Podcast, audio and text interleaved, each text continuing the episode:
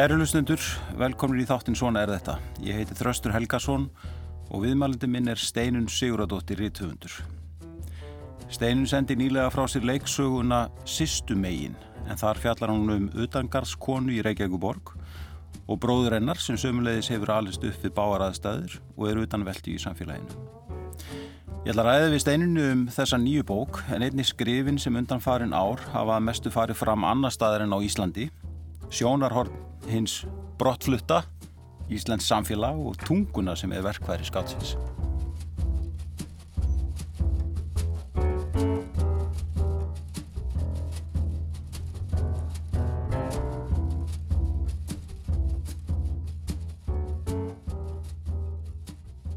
Steinin, velkomin í þátti. Takk. Þú ert bara, ertu, ertu hér í bara í stöðum tíma á landinu? Já, ég er bara í mjög Þú stuttum. býrði í Fraklandi þegar ekki, eða hvað? Jú, en ég bý líka á Íslandi. Ég er sum árin hérna alveg upp í fimm mánuð eins og ég var kóf árið í fyrra Já, og það er minn luxus þar að vals á milli. En aðalega er ég í Fraklandi og búin að vera það lengi. Svo reyndar heim í Berlin í mörg árin á milli. já. Hvað ertu búin að vera lengi í útlöndum? Sko, Svona með annan fótinn? Já, frá svona 2000 en ég meina ég náttúrulega lærði í Döblin Já. og svo átti ég heim í Svíþjóð frá 80 til 82 Einmitt. og þráði alltaf að komast út aftur. Já, af hverju? Sko mér finnst hérna eins mikið og ég elska landi mitt eins og vonandi má sjá af skrifunum mínum að þá finnst mér það ekki góður, nógu góður í aðvegu til sköpunar að eiga heima hérna í tólmánuða ári. Uh, mér finnst andrúsloftið að sumuleiti svolítið fjandsamlegt og svo er veðrið hérna náttúrulega bara hryllingur og skamdegið. Og þú veist, og ég er ekki enn komin yfir þann lúksus að geta setið út á stjætt í Fraklandi eða Þískalandi eða hvar sem það er með kaffi mitt og drukkið það í logni alveg þess vegna fram í nóvambur. Á hvert skipti sem að maður sest út á stjætt þá er maður einhvern veginn bergnuminn og það Já. Kannski út af fyrir sig væri bara góð ástæði til að vera smá fjari í Íslandi. Já. En hvað, hvað ert að segja um andrúsloftið á Íslandi? Andrúsloftið til þess að skapa eða, Sko, eða ert að tala um einhvers konar viðhor til listamanna eða um, starfsins eða hvað? sko mér finnst nú til dæmis þegar ég líta á viðtökusöguna mína þá er hún að mörguleiti daldi skrítin og hérna uh, mér finnst það mjög antælislegt að stæstu orðin sem hafa verið sögð um verkin mín þau koma frá útlöndum þar sem fólk les þau í þýðingum. Ég vil halda því fram að svo góða sem þýðingarnar eru séu bækurnar nú betra á íslensku.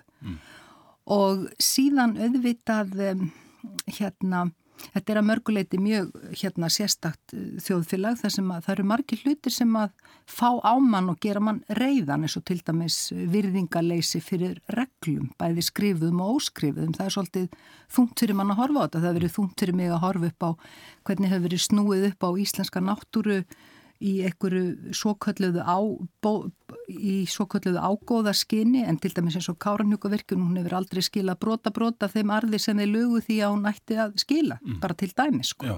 þetta svakalega spellvirki. Og það, þar til dæmis hefur alls ekki gróið um heilt. Ég var á hátíðafundi landvendar í fyrra og það var eiginlega ekki talað um neitt annað en þessa hryllingsvirkjun þarna eistra Og nú er aftur verið að tala um að það eigi bara að virka meira og ég vil að uh, flytja ramagn með sæstreng Já, það er nú hugmynd eh, sem ég held að teljist fremur vittfyringsleg. En hérna, já, það er þessi linnulöysi ágangur á landið, honum á ekki að, þú veist, það á engu að eira og hérna, til dæmis í þessu samhengi, að því að við ætlum að tala líka um íslenska tungu, það verður að taka rosalega til í áróðus orðaforðanum og orðaforðanum yfirleitt.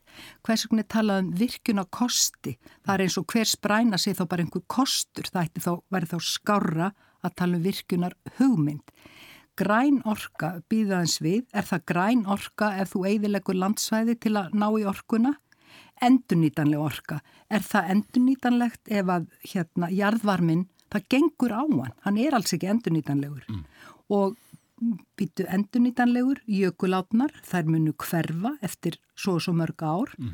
og ekki, og, og, og inn á milli þá eru þær að fylla upp í sömum tilfellum lónin, þær, þær hlæðst í lónin þannig að það verða minni afköst, mm. hlæðst hérna jökulaugur í lónin, það þarf að taka gjörsamlega til í þessum orðaforða og menn ekki að láta bjóða sér að það sé tala svona um þetta. Mm -hmm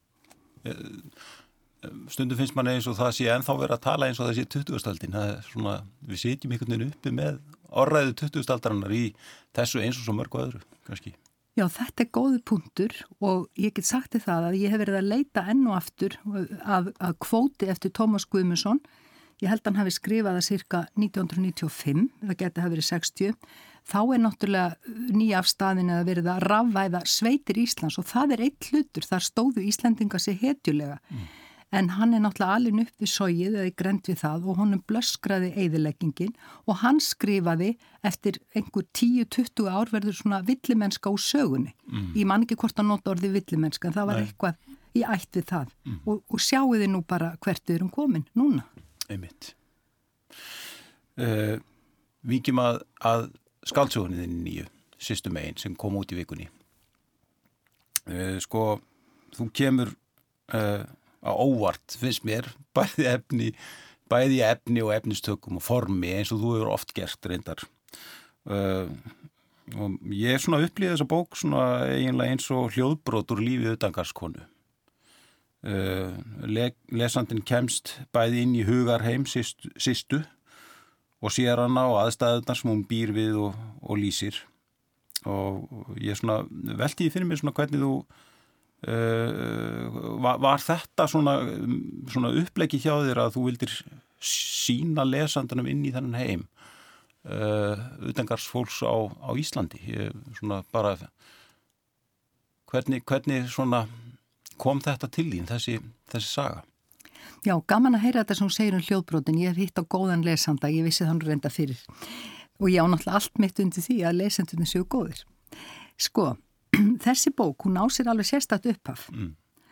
og það er mjög fátítt um mín verk að ég geti rakið þau á eitthvað sérstakann punkt. Það er mm. virkilega fátítt en þarna gerðist það áriðið 1999-2000 að vinkona mín, hún sínir mér inn í vistarveru konu sem býr við svimandi lágaloftæð og kemist klósett mm.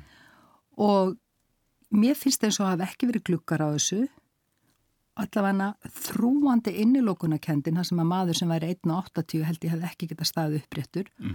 hún fyldi mér og mér, ég myndi nánast segja að mér hefði runni blóðið til skildunar að skrifa um hana og ég vil ekki skrifa alltaf um fólk sem að gæti mögulega gert grein fyrir sjálfu sér. Hún getur það ekki. Þá þarf ég að gera það fyrir hana. Og sko ég hafði ímsa aðra kvata til að skrifa bókinu eins og til dæmis sá ég meistaraverk Aki Kárismekis bíómyndina Maður án fortíðar mm -hmm. og, að, er, og þar er fjallaðum þáttökt fólk sem hefur samt sína reist, bláfátökt fólk, hefur reist eins og sista hefur mm. Og líka ummælans í franska blæðinu Le Monde, hann sagði finski stjórnmálamenn láta eins og fátækt sé ekki til í landinu og svo bætir hann við og ég þólið ekki. Mm og þetta einhvern veginn, mér hljóp kapp í kinn að gera þetta. Þetta byrja sem langsmásaga en það var, mér fannst einhvern veginn, ég næði ekki utanum að gera sýstu rétt til þar, síðan verður þetta leikriti, þetta leikur í pækli og sísta lætum ekki friði, mér fannst eins og ég væri bara að myrðana ef ég kæmin ekki út í dagsljósið. Mm. Og þetta verður sem sagt ofan á að þú heyrir hennar innri rött í stuttum prósaköplum mm. og svo koma eins og atriði í leikriti inn á milli. Mm. En þó að ég sé að nota mér sem sagt þá tækni að skrifa eins og um leikrit væri að ræða þá er þetta náttúrulega þó nokkuð öðruvísi því að til dæmis þegar þú skrifa fyrir leikús þá þarf þetta að vera naumur í sambandi við leifinningar og einstruksjónur en þarna get ég að mér sínist svo láti fólk standa upp uh, hoppa, uh, hoppa upp í lofti, snúa sér þrjá hringi og klóra sér haustnum þú mötur ekki gera það að vera að skrifa fyrir svið mm. beinlinis. Þannig að þetta gefur aðra möguleik og mér fannst þetta á endanum vera það sem að hérna uh, sem sagt kæmi sýstu best ég þurfti náttúrulega með hverju nýri bók reyndar finnst mér að ég þurfi að finna innihaldinu nýtt form og þetta kallaðu eitthvað sérsta að því þú ætlar að fara að skrifa um fátaka konu sem drefur fram lífið á, á því að sapna dósum þá náttúrulega bara risikerar því að þetta verði óheirilega leiðinlegt í raun, raun og veru og mónotónt. Og það vil ég ekki vera.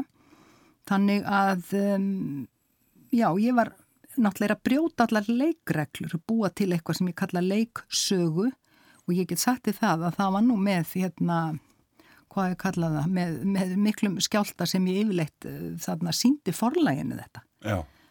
Og það sem að eh, stappaði svo í mig stálinu var það að þær kveiktu á þessu, svona rækilega þó ég væri að brjóta leikreglunar. Mm. Sko, ég finnst, bókin fyrir viki verða mjög svona realísk, það er þannig sem ég upplifa hana. Er það, er það eitthvað sem að þú kveikir á? Sko... Er, er það þetta form, að hérna, þetta sambland skáltsugunar og, og svo leikritsins eiginlega sem að gera það verkum að, að þetta verður svona nánast eins og svona, já, realismi eða alveg sko naturalíst verk.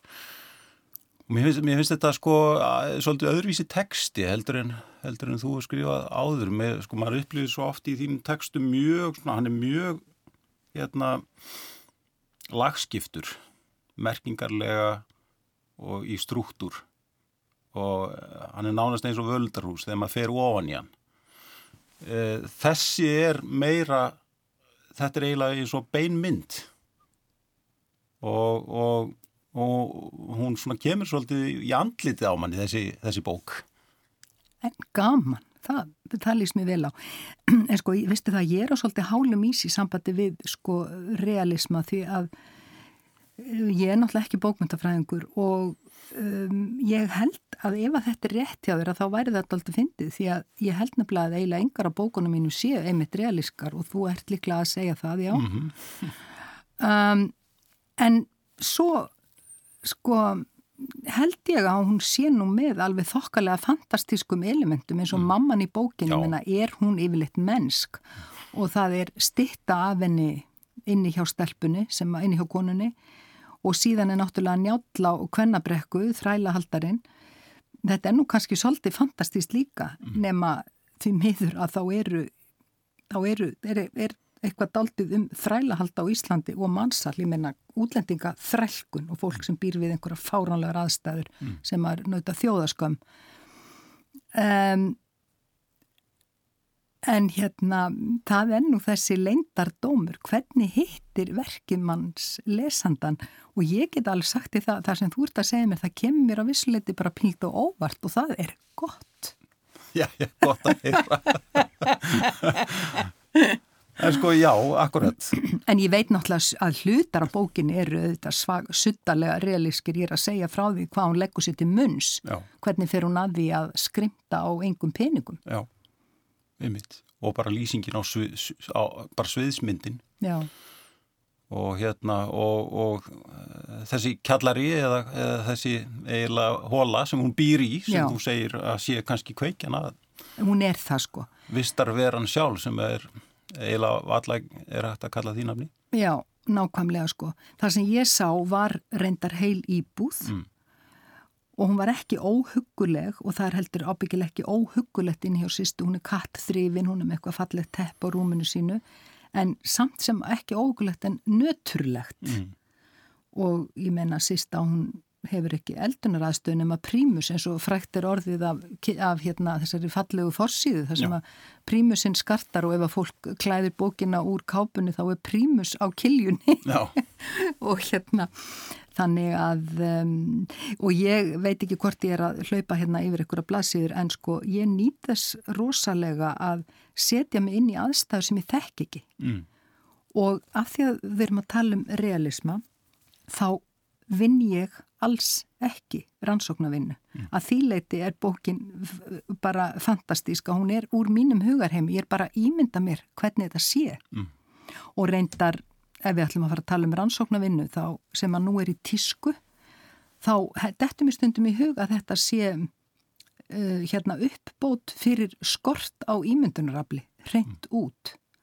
og að því við erum komin inn á raunsæðisslóðirnar og að því að ég þekk ekki til sýstu þá er mér frekar ábóðið yfir þessari raunsæðis tilneingu sem nú er uppi sem að ég held að ég myndi bara vilja kalla náraunsæja því mér finnst þetta nálikt af henni mm.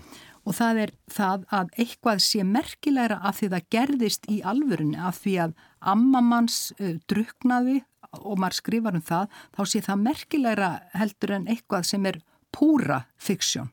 Einmitt og hérna og svo náttúrulega hefur maður ágjör af því að allir séu bara komnir á það stiga að þeir séu að skrifa um sjálfa sig mm. og þetta er nú það sem að Toni Morrison varaði sína rýtlista nema við, hún sagði við á Don't write about your little lives sleppið því að vera að skrifa um ykkar litlu líf því að ef allir fara að gera það þá eru bara allir að skrifa um sjálfa sig og hvað er þá tengingin? Mm.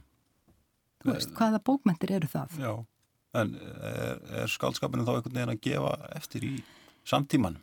Sko... Ég er algjörlega sammálaðir, það er rosalega sterk raunsæðisbylgja í, í, sko, í skálskap samtímans og við höfum verið að ræða þetta hérna aðeins í þessum þáttum. Ég fekk hérna Ástra til mín og tvo unga höfundasöður í Norrland og, og hérna Bergfrús Næbjörnsdóttur og þau eru öll sammálað um þetta. Það er rosalega sterk svona raunsæðisbylgja og krafa. Og krafa í rauninni. Já og einhverju leiti uh, sérstaklega kannski þessir yngri höfundar að þeir, þeir tala um að viðfánsefnin í samtímanum séu bara einfallega þannig að það þurfu að, að, að nálgast þau svona beint af augum ykkur einn og, og hjóla í þau.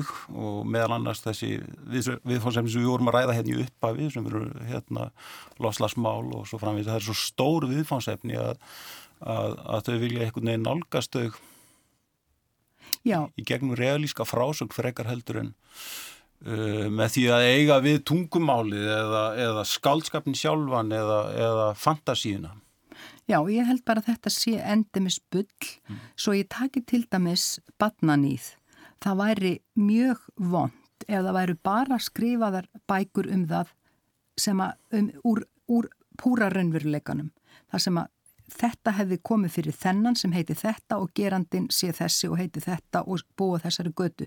Ég bar gæfi til þess að skrifa tvær skáldsögur um badnanýð og ég veit að það er hægt að tala þá um þetta fyrirbæri allt öðru vísi ef að bókin er hreitn skáldskapur. Mm -hmm. Þú getur talað allt öðru vísi um það, annars ertu bundin af þessum tiltekna geranda og tiltekna þólanda þannig að getur þú talað um þetta abstrakt, þú getur lift þér yfir hryllingin og varðandi lofslagsmál, já ég gerist nú svo fræg að skrifa hérna ljóðabálk um, um hérna hverfandi degjandi vatnajökul og eh, ég er bara að vona að hann gerir ekki minna gagn heldur en einhver eh, einhver hérna vel rannsökuð skáldsaga um lofslags eh, hérna vána.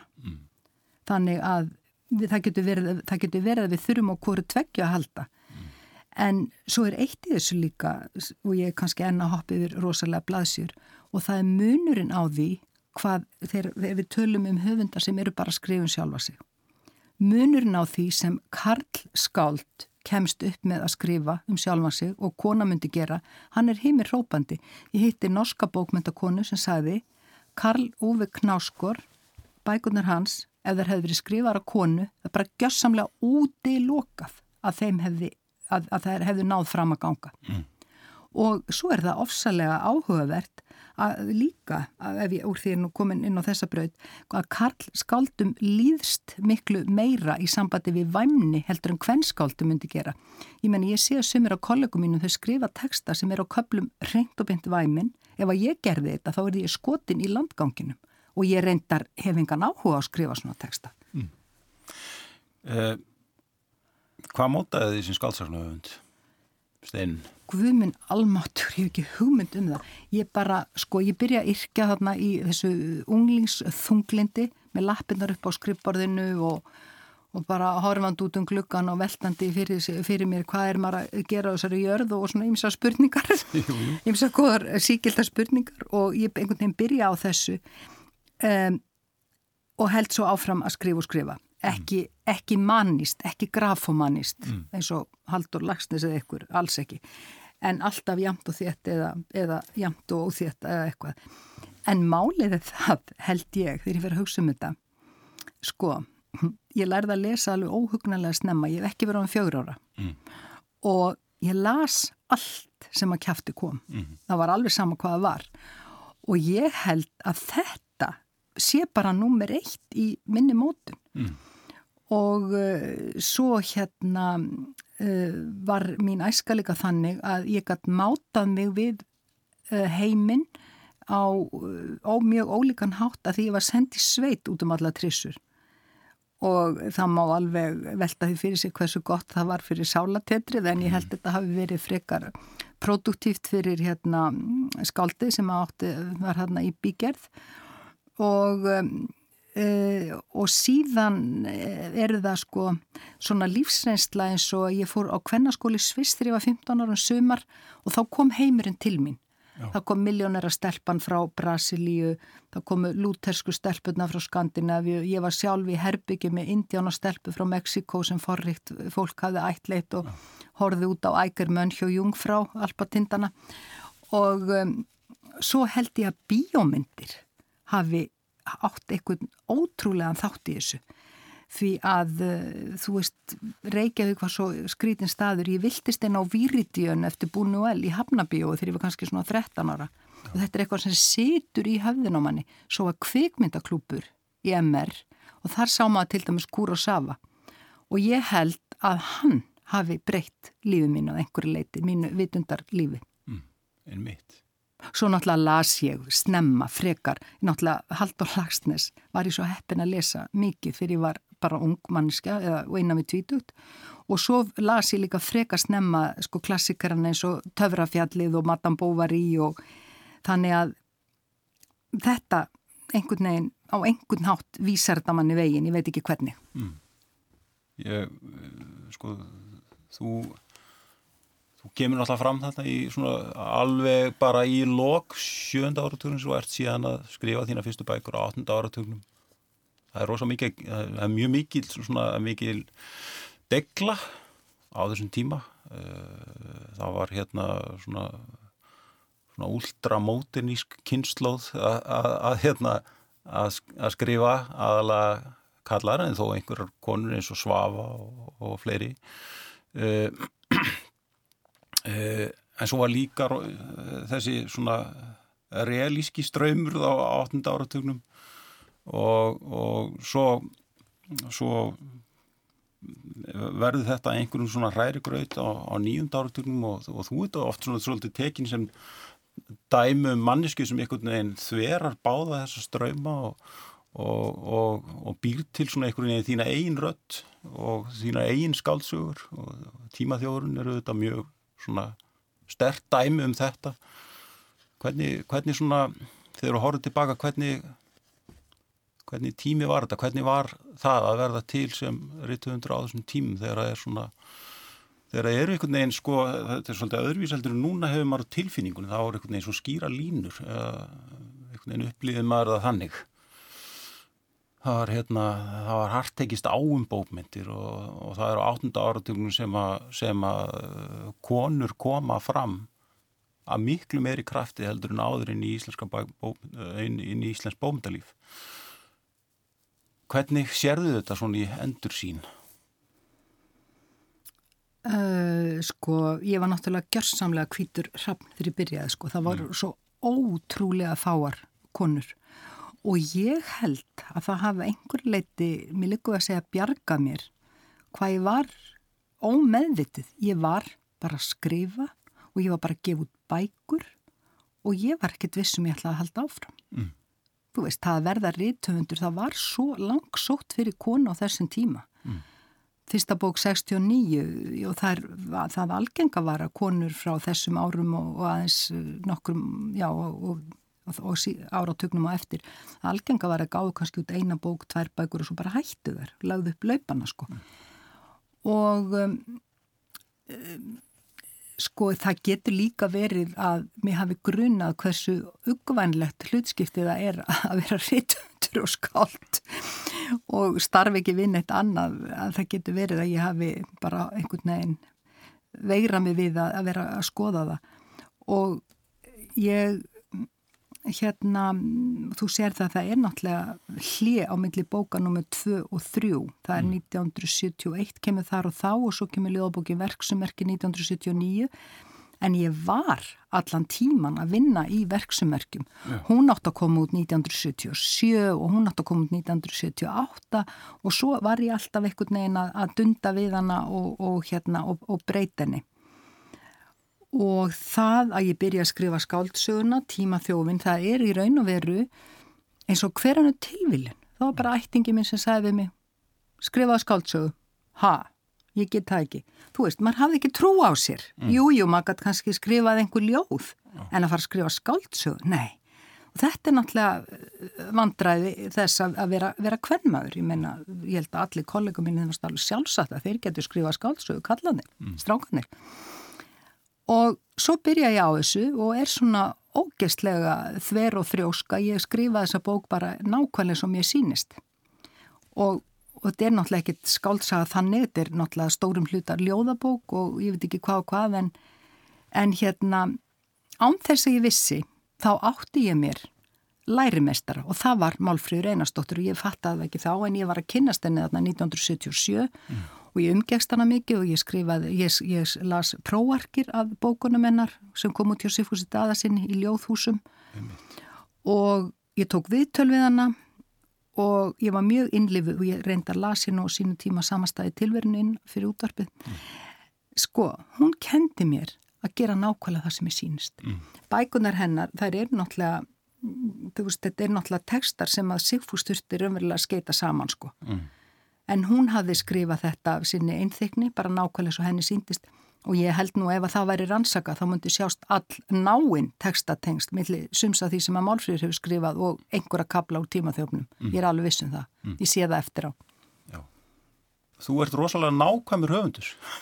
Já. Er það eitthvað sem að, sem að hérna, og, og tungumálið er kannski nákvæmnisverkværi? Ég veit ekki. Hvað segir um það?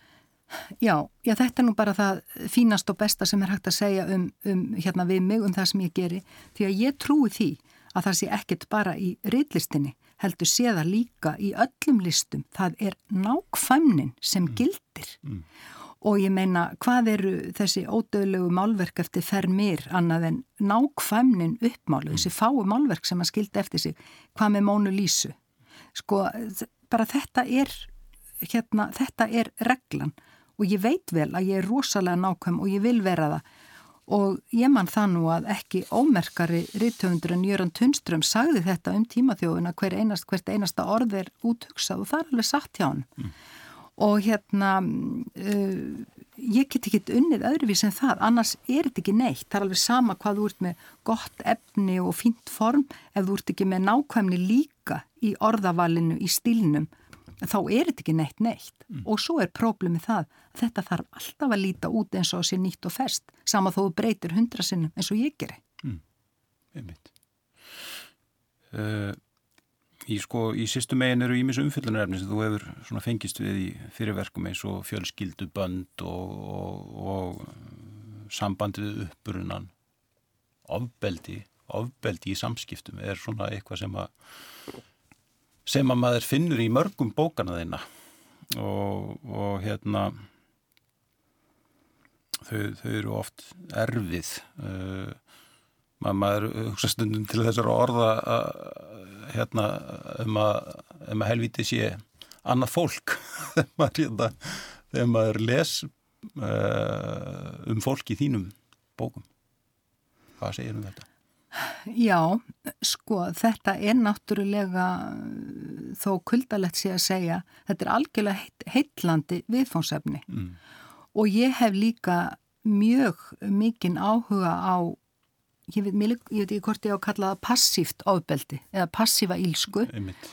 eins og er hjá foreldrónum í mm. solskinshesti. Mm. Það eru læknisjón sem að vandrækja börnin sín algjörlega og það er ekki af því að þau séu vond fólk heldur bara af því að þetta er þeim um megn. Og reyndar var það geðlagnir vinkona mín sem sjúkdómsgreindiði og hann sagði já þau eru þunglind og ég sjúkdómsgreini ekki fólkið mitt skiluru því að ef maður sest niður og segir nú ætlum ég að fara að skrifa um einhverja þunglinda fóreldra það er ekkert spennandi skiluru. En hérna um, sko ofbeldið í samskiptum það er svo ógeðslega falið oft mm. það er hérna og eitthvað sem að uh, hérna kannski fólk tekur bara fyrir gefið en það er svo á endanum ekkert annað en helvítis ofbeldi. Og mikið rosalega þurfum við einhvern veginn að vanda okkur í lífinu. En það sem að er sko, sko eitt af aðal viðfónsefnum bókmentana það er að draga fram í dagsljósi það sem er undir yfirborðinu. Mm. og hérna og undir yfirborðinu er oft sko ótrúlega undir kannski mildu yfirbræði mannesku þá getur reynst einhver alveg opboslega heift sem að fær þá jafnvel útrás í samskiptum manneskunar við annað fólk mm. og það er eilíðar umhugsunar efni hvaðan kemur þessi heift og þessi þörf fyrir ofbeldi og nú náttúrulega hef ég aldrei nokkuð tíman svo ég muni fjallað um þetta allra klassiskasta ofbeldi sem er ofbeldi karlagagvart konum og náttúrulega út um öll lönd núna það sem ég fylgist með þá er sko það er að koma upp rosalega reyfingar í sambandi við það það sem er kallað feminísít á fransku bara það eru svo og svo margar konur drefnar á hverju einasta ári mm. Og á undan þessu drápum þá er, hafa farið mörg ár af skuggalegu ofbeldi og um, þetta er eitthvað sem við megum ekki hægt að hugsa um og verðum einhvern veginn að reyna að að útrýma þessu, hvernig sem við förum að því mm. Hva, hver, er, hver er hver er svona rött skálskaparins í, í þessu dæmi öllu saman? Já, ég meina, ég held að hérna, að eitt af, sko ég hugsa náttúrulega ekki mikið um hlutverk skálskaparins, ég er bara að skrifa, en ég sé það alveg að eitt af því sem að skálskapur gerir gott, það er að opna augumans. Mm. Og til dæmis þegar ég las uh, Beloved eftir Toni Morrison, þá fannst mér eins og ég hefði aldrei áður vita neitt um þrælahald. Mm ég, þú veist, ég, ég held þegar ég byrja að opnaði bókinu, ég vissi alveg hvað þrælahald væri en þegar þú ert búin að lesa bókinu þá áttar þú á því að þú hafðir aldrei vita hvað það var mm. Og það er ef þú lest hérna skáldskap um ábeldi þá getur getur skáldskapurinn talað um það á allt annan hátt heldur en ef það væri bladavítal eða, eða bara bók hérna sannsaga. Af því að það er hægt að, að tala abstrakt, abstrakt um það. Og um, sko talandi um hversu faldir hlutinir eru þá og sem að væri kannski þess virði að, að gera einhver tíman að skáldskap í mínu tilfelli, ég veit það ekki það var, ég fekk sjokk þegar ég talaði við vinkonu mína fyrir nokkrum árum út í Fraklandi hún er hérna þjóðveri, býr í Fraklandi, rosalega flott kona í góðri stöðum og við erum að borða hátteismött og hún fyrir að segja mig það að frá því hún var úlingur þá hafa hún litið á sig sem hérna bráð fyrir karlmenn. Hún mm. hafi litið á sig sem hérna, sem að það væri veiði leifi á hana, það væri raunni orðið sem hún notaði. Mm.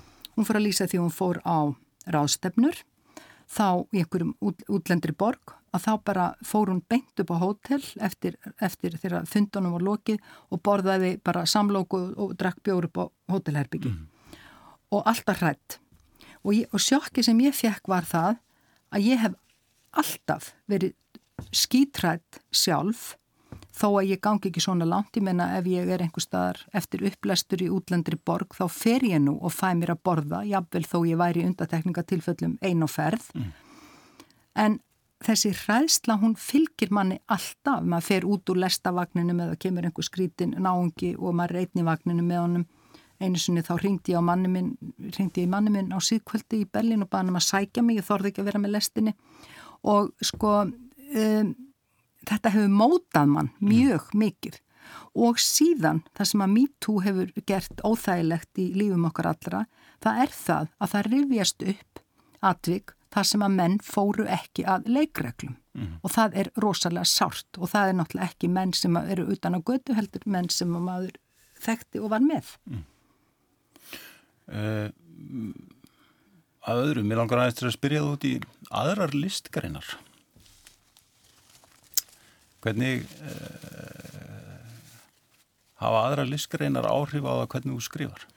Sérstaklega kvikmyndir. Já. og ég get rakið til dæmis uh, jöklaleikúsið Emir Kusturica hafði mm. rosaleg áhrif á mig þegar ég var að skrifa þá bók og áðurinn ég skrifaði hana og ég hef skrifað kvikmyndahandrit upp úr jöklaleikúsinu sem er ennþá þurðulegra heldur en bókin sjálf og mjög í anda Kusturica að mér finnst mm. Og um, hérna en já, í flestum tilfellum erfitt með að reykja þetta beint nema ég sá náttúrulega alveg dóbíu af bíómyndum sérstaklega áður fyrr. Og það er eitthvað í þeim sem að hefur sem að sem sagt, situr svona rækilega í mér. Og ég hlusta mikið á tónlist og maðurinn minn er tónskáld og það er rosalega gaman að vera í þeim heimi. En ég veit ekki til þess að tónlist hafi áhrif á það sem ég geri nema því leiti að ég passa rosalega vel upp á hljóðfallið í mm. setningunum mínum mm. hvort sem að það er uh, hérna, hvort sem það er í skáldsögum eða, eða í ljóðunum mm og svo náttúrulega hérna, ég lá rosalega mikið á söpnum þegar ég var yngri mm. og um, hérna sko já, þannig að myndlist hún er einhvern veginn mjög í mínu blóði líka en kannski sérstaklega þessi myndlist og það er náttúrulega er ekki list en það er þessi, myndlist sem að maður hefur bara fyrir augunum á hverjum degi mm. í fallega bænum okkar núna það sem við búum rétt hjá París og svo náttúrulega þetta óþrjótandi, þessi óþrjótandi byrtu skipti á Íslandi. Mm. Þetta eru, eru, sko, er mér kannski miklu meiri innblástur heldur en nokkuð tíman nokkuð af listgreinunum. Mm. Hvað, uh, þú talar um kvímyndir, horfir á Netflix? Nei, ekki mikið og uh, ég veistu það, þessi, þetta sjómasþáttaæði núna, mm.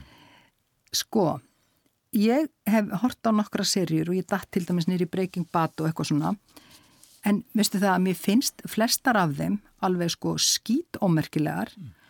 og þetta er bara eitthvað, eitthvað út tegð þvæla og hérna ég horfði á eitthvað sem ég man ekki það gerist á Hawaii, þetta er ólega frækt eh, hvað heitir þetta, White eitthvað Lotus, ég man það ekki. Og vinkonum minn var búin að mæla með þessu. Og, og það eru allir skítælar í þáttunum. Og þú veist, ég hef ekki áhuga að horfa á svona, mér finnst þetta svona hálf mannskemandi og svo er maður hérna tógaður og tegður öðru koru inn í eitthvað klám til að halda manni vakandi eða ég veit ekki hvað.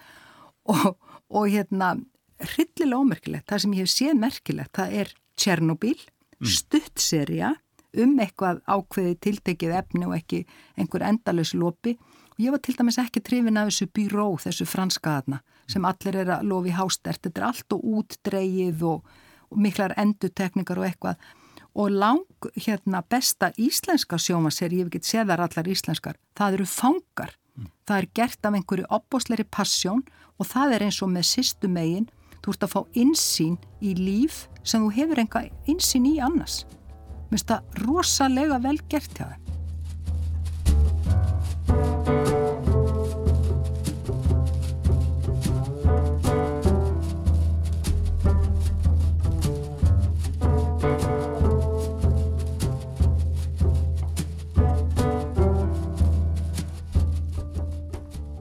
Kæri hlustundur, ég heiti Þraustur Helgarsson og þið eru að hlusta á þáttinn Svona er þetta.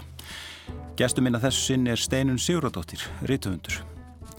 Í þessum þáttum hefur við rættið forunilegt fólk úr ímsum kimum samfélagsins um reynslu þess og viðhorf.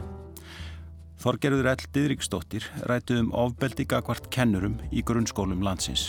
Hægt er að hlusta á Svona er þetta í spilara, rúf og í öllum helstu hlaðvarps veitum það er svona ákveðin samfélagsbreyting sem verður til þess að, að ofbeldið virðist færast inn í kjænslustofunar og, og nefnundur sem auðvitað eru bara börn mm. þau eru auðvitað í, grunnskóla ekki nema 6 ára eða 6 til 16 ára þetta er fólk er, sem er að læra að verða fólk Já, einmitt og þau auðvitað gera mistök og hafa alltaf gert en mm. það sem virðist núna fyrst og fremst vera að koma fram er að að svona orðsöfnuður og, og, og munnsöfnuður og, og reynlega bara spörk og kýlingar og svona bæði líkamleg og orð, orðræðan er orðin þess eðlis að kennarar eru sannlega farnir að, að, að kikna undan þessu. Steinun, uh, hefur sambandið við íslenskuna breyst með einhverjum hætti á þessum 20 árum sem þú verið með annar fótinn í útlöndum?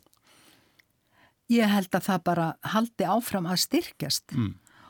og hérna það er að sínuleiti frjótt að vera öðru koru frá tungumálunum mm.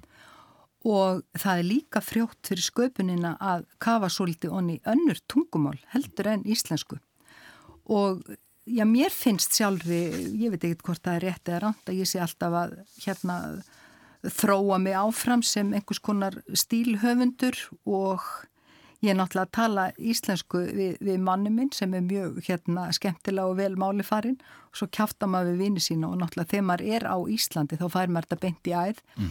og þegar ég er á Íslandi þá er ég ekki bara, alltaf, ekki bara á selfossi þar sem við eigum enn hús, heldur er stundum östur í skaftafelsíslu og það er náttúrulega sko skemmtilegasta íslenska sem til er.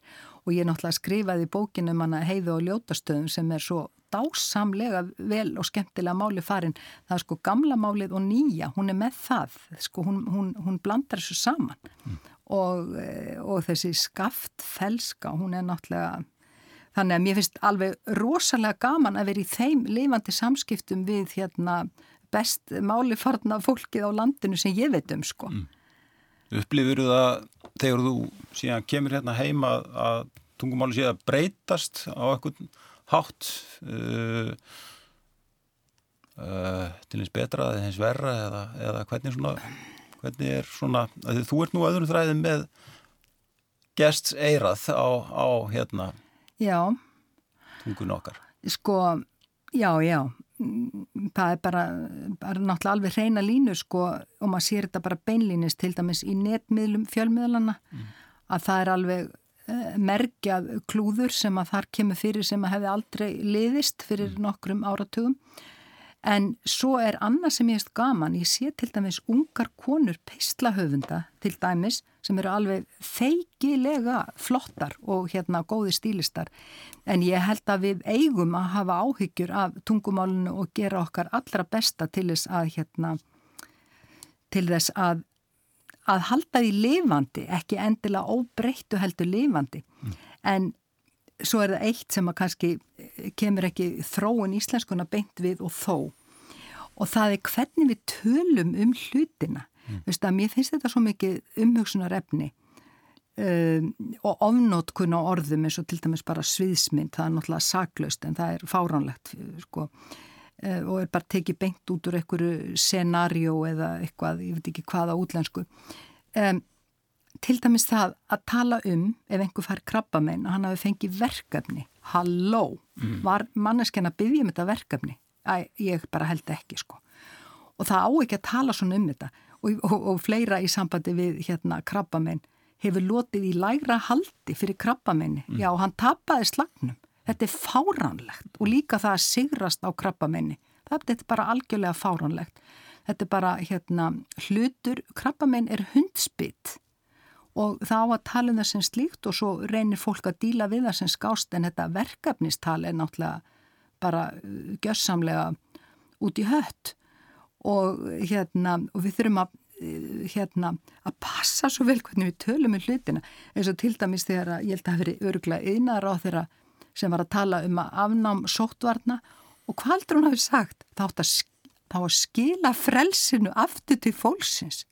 Hafið þið heyrt aðræðins orðræði erum við í fangelsi, erum við kúuð nýlendu þjóð, sko við erum náttúrulega nýlendu þjóð og, og, og rosalega fyrðu verk meðal annars þess vegna en ástandið ennú kannski ekki alveg svona og hérna þannig að og eins, eh, já það eh, þurfum að passa eh, sko og til dæmis þetta orð sem ég hef náttúrulega áður benda á lofslagsbreytingar, þetta er algjörlega háskalegt orð því það er bara liga orð breyting getur verið til eins betra. Mm. Það sem er að gerast núna, það er ekki til eins betra. Þetta er annarkort loftslagsvá, hamfara línuna mannavöldum og ég veit að sumir fjölmiðlar allavega í Englandi, þeir eru steinhættir að nota climate change eins og mm. hérna Guardian, þeir nota þá climate crisis eða eitthvað svo les.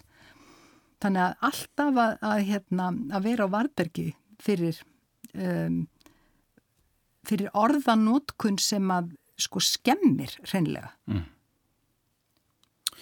hérna sko uh, Ég, ég, já, við, sko, við, við höfum ekki uh, mikinn tíma. ég hefði viljað halda árum að tala við um, um pólitík og Íslands samfélag. Hvernig, hvernig blasir Íslands samfélag við þér? Þegar þú horfir hingað, bara síðustu, síðustu árin. Já, já. Sko, það er náttúrulega ofbóðsleg breyting sem hefur orðið. Ég mannaði í gamluta þegar maður var að útskýra Ísland fyrir útlendum vinnu sinu þá maður, já Ísland er svona land þar sem er það engin er stinking rich og engin er rosalega fátakur. Mm. Það er bara því miður ekki lengur raunin. Sko ég er volið að heitluða því mjögst alveg endilega að það ættu allir eiga sem allra mestan pening mm. en hins vegar hvernig hérna kvóta fólkið hefur komist yfir hann, það er yfir þannan auð, það er mjög umdeilanlegt og eins líka í sambandi við pening og pólitík. Ég segi eins og fátæki fórsetin í Nicaragua, hvað sem hann nú heitir að hétt. Hann sagði, ég vil endala fólk að ég peninga, en fólk sem er í business, það á ekki að vera í stjórnmálum. Og ég er bara innilega sammála þessu. Hvað, út af hverju ertu þá ekki bara, bara í businessnum? Þú hefur ekkert að, þú veist, það er skarast hagsmunir og hættan er alltaf svo að þú sért að skara elda eigin köku og, og þinna nánustu og svo framvegs. Og um, Sko það er margt rosalega gott hérna mm. og til dæmis hvernig var tekið á COVID-faraldrinum, það var nú svo flott gert að maður geti nú sko bara tárast yfir því. Mm. En síðan, þú veist eins og hamfara fréttinnar af bráðamótugunni, ég skil ekki hvernig er hægt að gera hluti svona. Í útland, í Fraklandi, þá er nýting á bráðadeilt um 25%, hérna er hún yfir 100%. Mm. Það er ekki hægt að gera hluti svona og það er fullt af hlutum á Íslandi sem að á ekki, sem að sko ættu undir engum kringustæðum að líðast og mér finnst þeirra landlag vanvirðing fyrir reglum, bæði skrifuðum og óskrifuðum og reglur er nú einu sinni það sem að heldur, það er límið í samfélaginu og þetta, þetta eh, talningamál og norðvestu kjördami og meðferðin og kjörgögnunum, það er algjörlega lýsandi dæmi um þetta og orðræða formans kjörstjórnarinn að þar um þetta maðurinn er héraðs dómari, mm. nýskipaður af dómsmálur á þeirra og orðræðan um þetta, hún er svo stórkostlega óbóðleg og hvernig var að þessu staðið að maður bara, maður næris ekki. Svo hef, sá ég aðra frétt sem hefur annarkost verið þöggu niður eða hvort það var falsfrétt, að það var annar síslumadur, einhverju kjörstjórninu baðanum að innsigla kjörkassana og, og síslumadur segja neini það þarf ekki og hendi bara einhverju gráu teipi á, á hérna á kjörkassana en ég menna það er sagt í reglum hvernig þú átt að gera þetta og þessi vanvirðing hún er og hugsaðu þér í fámennu sveitafélagi fyrir söðaustan þar sem ég þekki til þar geta þrýr úr meilhuta sveitastjórnar ákveðið, tekið sér það vald og skipilásvald að ákveða virkun sem hefur fengið algjör að fallengun hjá skipilastofnun. Mm. Ef ég hef þetta rétt í kollinum þá lásu það ekki einu sinni, lása sem meirlutin las ekki úrskur skipilastofnunar og held bara áfram með málið mm. að því að skipilastofnun hefur ekki neitunavald sem hún ætti auðvitað að hafa en það voru dregnar úr henni tennurnar í kringum káranhugavirkjum. Það er svona sem stjórnmálamenninni farað hér. Þeir, þeir, þetta var eitt af því sem þeir gerðu og hvernig var með skattrannsóknar stjóra og allt mögulegt sko. Það er bara hlutinir eru afnumdir svo þeir geti farið sínu fram og þetta er ólýðræðislegt og ólýðandi endum þetta samt á bókmyndum. Yes. Hvað er þetta að lesa? Heyrðu. Lestu ennþá mikið? Já, og sko mín, eh, hérna, eina, eina mínum helstu uppgötunum útlenskum ný, nýverið, það er spænski höfundurinn Javier Marias mm. og mér er svo gaman að sjá sko hvað hann er spænskur líka, hann gæti ekki eins og verið franskur eða portugalskur, hann er bara eitthvað algjörlega spænskur, alveg eins og landi hann sem ég elska kvikmyndarlegsturinn Pedro Almadóvar og svo er ég að lesa nefnilega svolítið af þýðingum sem að hafa borist mér í hendur. Ég var að lesa Loftslag í þýðingu Jóns Bjarnar Allarssonar, mm. algjört meistaraverk og furðuverk eftir Max Frist sem ég hafa fyrir löngu lesið á þýsku og kemur núna til mín alveg á nýjaleg. Eins las í bókina Óskabarn og Gjafinar mm. eftir Petur Handka í þýðingu Átna Óskarssonar og það er bók sem ég geti talað um við í minnstakosti klukkutíma. Og, og hún er típist dæmi um að það er ekki bara efnið, þetta rosalega efni, móður hans fremur sjálfsmorð og hann skrifar um það, heldur hvernig hann gerir það. Og mér finnst þetta vant þetta í bókmyndaumræðuna, það er alltaf verið að tala um efnið og efnið og hvernig Jón og Gunnu í bókinni liði og, og það er að sálgreina Jón og Gunnu í bókinni þegar það var að tala um stílinn og formið miklu meira á aðferðina. Því að sagan er ekki neitt án stíls og forms og aðferðar. Og uh, þessi bók hún sko nánast helt fyrir mig vöku verði að segja og það sem ég er að fara að gera núna ég er að fara að læsa klónum í nullungina skuðna Elíssona ljóskildruna og ég hlakka til en það myrðir hann, hann lætur leigu myrða söguhetjuna mína öldu Ívarsinn, ég er mjög stolti við því. Steinum, það var frábært að fá þér í þáttin Takk. Takk kærlega fyrir komuna. Takk fyrir mig. Kæru lusnundur, við verðum hér aftur að vikuleginni, góða stundir